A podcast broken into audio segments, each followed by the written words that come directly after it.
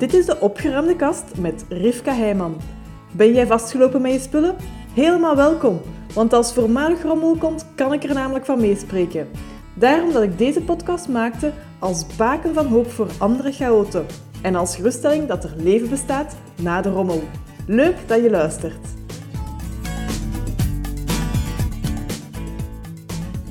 Vandaag twee levensechte voorbeelden over hoe dat je in vraag mag stellen wat dat jij denkt over spullen of papieren. Het zijn op zich twee voorbeelden over papier, vandaar eventjes de specificatie naar ook dat vlak. Dus, wat heb ik meegemaakt? Vorige week liep ik rond in een school, middelbare school was dat, en ik overhoorde een gesprek tussen leerkracht en leerling. De leerling, ik denk dat haar naam Severin was, die vroeg aan haar juf van mevrouw, mag ik mijn map al mee naar huis nemen? De juf zegt van, goh, ja, dat mag Severin, maar ha, ik wil u echt wel op het hart drukken van hou ze nog bij. Ja, hou ze zeker drie jaar bij voor als er controle komt. Je zei een van mijn beste leerlingen, jij hebt een volledige map met alle ja, werktaken en notities. Hij, Severin, kan ik u daarin vertrouwen? Dan uh, mogen ze meenemen. Dat meisje was braaf, zegt ja, tuurlijk mevrouw, ik zal dat doen. En ik dacht bij mezelf, tja, volgens mij is dat niet juist. Dus ik heb het ook nog eens opgezocht thuis. En wat bleek, als ik naar de website ga van de Vlaamse overheid, dan staat er, je moogt uw, ja, uw spullen, je moogt uw papieren, zo van notities, uw agenda, eh, werkboeken, werktaken, moogt je weggooien. En zelfs eigenlijk meteen, behalve als de school aan een paar leerlingen vraagt van hou dit bij voor als er inspectie komt. Dus het kan wel degelijk gebeuren dat de school zegt, hè, jij bent uh, een van ons betere leerlingen, hou eens u, al uw grief bij van dit schooljaar. En hoe lang hebt jij het dan officieel bij te houden? Tot 31 augustus van het schooljaar erop. Dus hetgeen ik heb overhoord van de leerkracht naar de leerling, die zegt, drie jaar bijhouden alstublieft, is veel te lang. Veel te lang. Dus na één jaar, oké, na, na veertien maanden om correct te zijn, na één dik jaar moogt je alle notities en schriften en huistaken en werkstukken moogt je bij het oud papier gooien. Wat dat je wel moet bijhouden voor iedereen is uw getuigschriften, een diploma, een of andere kwalificatie, iets dat aantoont dat je tot een bepaald niveau bent geraakt, een bepaald level, mogelijk zelfs dat je daarmee kunt aantonen dat je Nederlandstalig onderwijs hebt gevolgd. Zo'n dingen houd je wel bij. Dat kan belangrijk zijn, dat kan een toegangspoort zijn om een volgend level te openen of om aan te tonen, dit is mijn onderwijsniveau geweest, want zo werkt onze maatschappij tegenwoordig nog altijd. Hè? Wat dat hoe ver dat we zijn geraakt in het onderwijs bepaalt heel veel in welke jobs toegankelijk worden en welke niet. Dus dat is wel belangrijk. Maar al die taken, al die papieren met een opstel, met woorden, met rekensommen, met, met formules van fysica en chemie, die hoeft je niet bij te houden. En als het u vragen om bij te houden, moet je maar maximum het 14 maanden nog bijhouden en dan mocht je het ook weggooien. Wat er dan nog in de weg kan zijn om zo van die papieren weg te doen, is de emotionele gehechtheid. En dat is doorgaans niet al, al van het kind, maar vaak vanuit de ouder. Dus dat is wel grappig om op te merken, waar dat uw kind kan zeggen, het kan wel, maar is ik ben blij dat het voorbij is. ik heb er niet veel emotionele gehechtheid aan. Leggen wij dat er wel in als ouder en wordt dat dan belangrijk en zwaarwichtig en kunnen we dat toch niet zomaar wegdoen? Terwijl pak er misschien een leuk opstel uit dat uw kind heeft geschreven. Pak er misschien een mooie evolutie uit van het handschrift bij het begin van het eerste leerjaar en het handschrift op het einde van het eerste leerjaar. Pak daar eens een dicteetje ervan uit en bewaar dat in uw herinneringendoos. Maar je hoeft geen papier bij te houden van een heel schooljaar. Als ik kijk naar mijn eigen kinderen, dan produceren die op één schooljaar tijd enorm veel papier.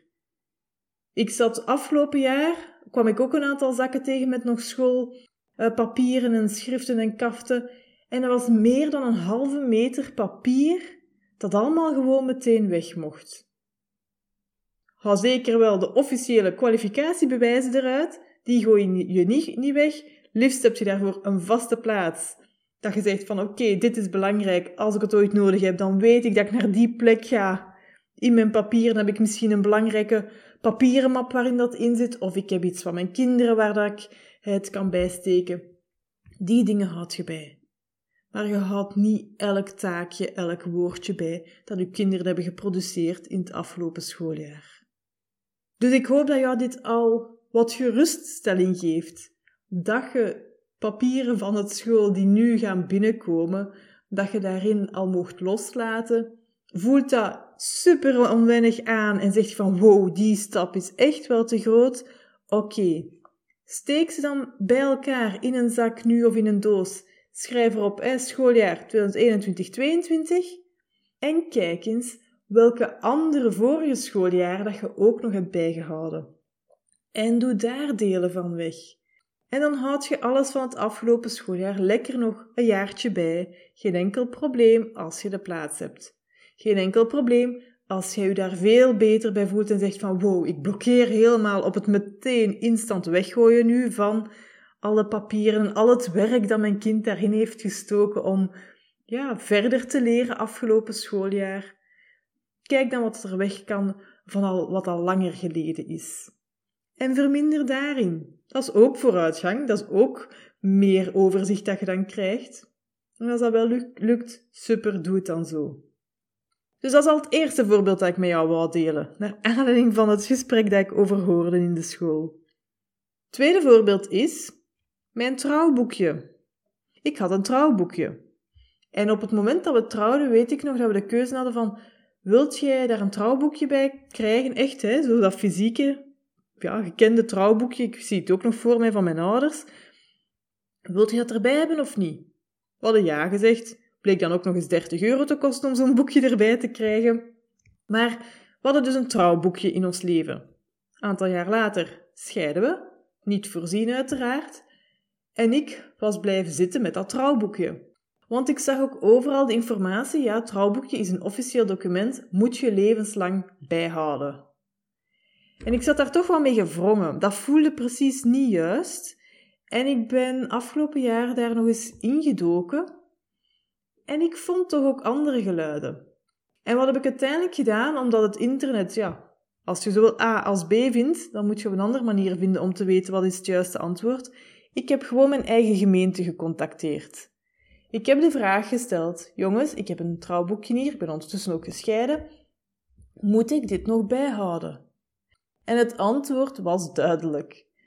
Kwam terug met beste mevrouw, uw trouwboekje heeft geen enkele officiële waarde voor ons. Dat is alleen maar zo het vormelijke, ja, omdat het altijd zo gedaan werd met een trouwboekje, dat ze dat nog doen. Maar het echte trouwboekje, hè, zo dat dik boekje van toch zeker een halve centimeter, in een ambetant formaat, wat is dat, A6 of zo. Ik vond dat heel lastig om in mijn belangrijke papierenmap te houden ook dat moet je niet bijhouden. Dat mag weg. En uiteraard, als je daar een heleboel emoties en fijne herinneringen aan hebt, mocht je dat bijhouden, maar je moet het niet bijhouden voor de overheid. Je moet het niet bijhouden om ooit te kunnen aantonen: ik ben getrouwd of ik ben getrouwd geweest. Is niet nodig. Op dat vlak is er gelukkig al vooruitgang en moet je, ja, zijn, er, zijn er andere manieren waarop dat je kunt aantonen wat dat uw burgerlijke staat is. En dus wat heb ik gedaan? Ik heb met heel veel opluchting eigenlijk dat trouwboekje kunnen loslaten. Ik heb het weggegooid. En dat klinkt, dat klinkt een beetje ja, erg eigenlijk, maar ik ben ondertussen ook gescheiden. En het had voor mij geen positieve, fijne meerwaarde in mijn leven om zo'n lastig formaat papier nog te gaan bijhouden. Dus ik, ik heb het gewoon weg uit elkaar gehaald en ehm, ja, de buitenkant was zo van dat dikachtig leer, of toch iets dat erop leek, heb ik bij restafval gegooid en alle papiertjes, de binnenkant, in oud papier. Mijn boodschap is, informeer u. Ga niet zomaar uit van hetgeen dat je in je hoofd hebt of hetgeen dat je altijd al hebt gehoord erover, informeer u. Want dat opent de deur of maakt het gewoon makkelijker om met een vrij gevoel, een opgelucht hart, te kunnen zeggen van, oh, ik hoef dit helemaal niet meer te blijven bijhouden. Het mag weg. Dus twee voorbeelden om jou te laten zien dat het niet altijd zo is als dat je denkt dat het is. Durf u te informeren. Weet je niet hoe dat je moet informeren? Vraag dan aan andere mensen hoe dat ze dat doen. En ja, open de mogelijkheid gewoon in het vastgeroest stramien waar dat je mogelijk in zit van ja, maar dat hoort zo. Hier is geen andere uitweg. Zodat je vooral veel meer ja, in papiervlak dingen blijft bijhouden die je wel degelijk moet bijhouden, die wel degelijk een meerwaarde zijn om ze bij te houden. En niet dat ze ondergesneeuwd geraken door al het papier dat eigenlijk geen waarde meer heeft. Dus ik hoop dat je hiermee een stapje vooruit kunt zetten. Informeer je dus als je twijfelt over iets of het weg mag of niet. En dan wens ik je nog een heel fijne dag.